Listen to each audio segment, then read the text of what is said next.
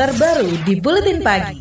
Saudara Komisi Pemilihan Umum atau KPU mengakui telah terjadi kekeliruan input data hasil penghitungan suara atau formulir C1 di sejumlah tempat. Anggota KPU RI, Wahyu Setiawan mengatakan hal itu murni karena kesalahan manusia atau human error. Kekeliruan tersebut tidak sengaja dilakukan oleh petugas KPU di tingkat kabupaten kota. Jadi tidak ada kekeliruan itu diarahkan untuk menguntungkan atau merugikan pihak tertentu. Sebab kalau kita lihat dengan seksama, kekeliruan 9 input C1 itu juga kekeliruan itu terjadi di pihak 01 juga terjadi di pihak 02. Jadi tidak benar kalau kekeliruan itu seluruhnya menyangkut pihak tertentu. Anggota KPU RI Wahyu Setiawan juga menambahkan, kekeliruan input data hasil penghitungan suara pada formulir C1 ini ditemukan pada perolehan surat kedua pasangan capres. Menurut data KPU, salah input data terjadi di 9 TPS. Salah satunya terjadi di Kota Mataram, di Lombok Tengah, di Kecamatan Jatinegara, Jakarta, di Dumai, di Kecamatan Morto Yudan, Magelang, di Wonosobo, Jawa Tengah, dan di Kelurahan Lesane, Maluku Tengah. KPU akan terus melakukan verifikasi di tingkat bawah terkait kesahihan data yang nantinya akan diupload ke laman www.kpu.go.id.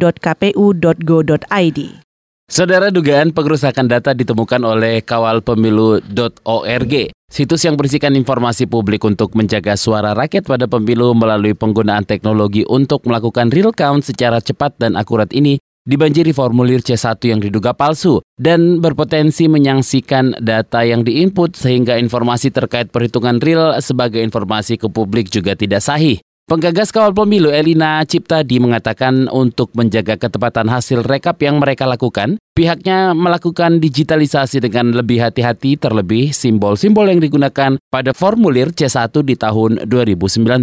Jadi akhirnya pada hari Sabtu itu, oke okay, ini digitalisasi datanya, jadi uh, input datanya, ini pelan-pelan aja kita fokuskan untuk memverifikasi laporan-laporan yang masuk ini. Karena satu hal yang paling kita takutkan dari kawal pemilu itu adalah kesahihan datanya kita itu ter terkompromi gitu, uh, compromise. Jadi kita kerahkan resource untuk verifikasi C1 C1 yang janggal ini, kemudian orang-orang yang mengupload foto yang asal-asalan ini kita ban dari sistem.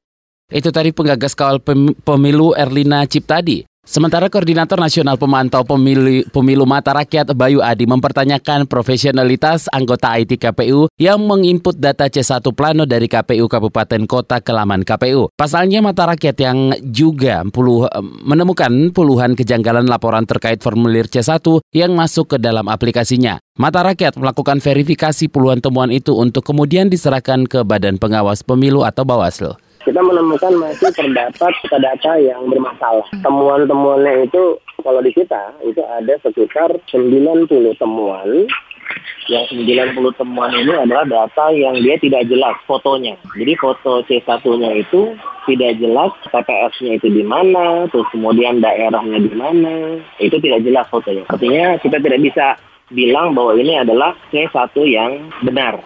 Koordinator Nasional Pemantau Pemilu Mata Rakyat Bayu Adi menambahkan, Selain 90 temuan foto tidak jelas, Mata Rakyat juga menemukan 180 format C1 berbeda dengan situng KPU dan 170 format C1 yang sama dengan KPU namun berbeda dalam inputnya. Mata Rakyat juga mengajak masyarakat untuk bersama mengawal proses penginputan data C1 di KPU Kabupaten Kota guna menjaga kemurnian data hasil pemilu. Sementara itu hingga berita ini diturunkan Bawaslu eh, belum memberikan tanggapan terkait dugaan pengerusakan data pemilu pada formulir C1 ini.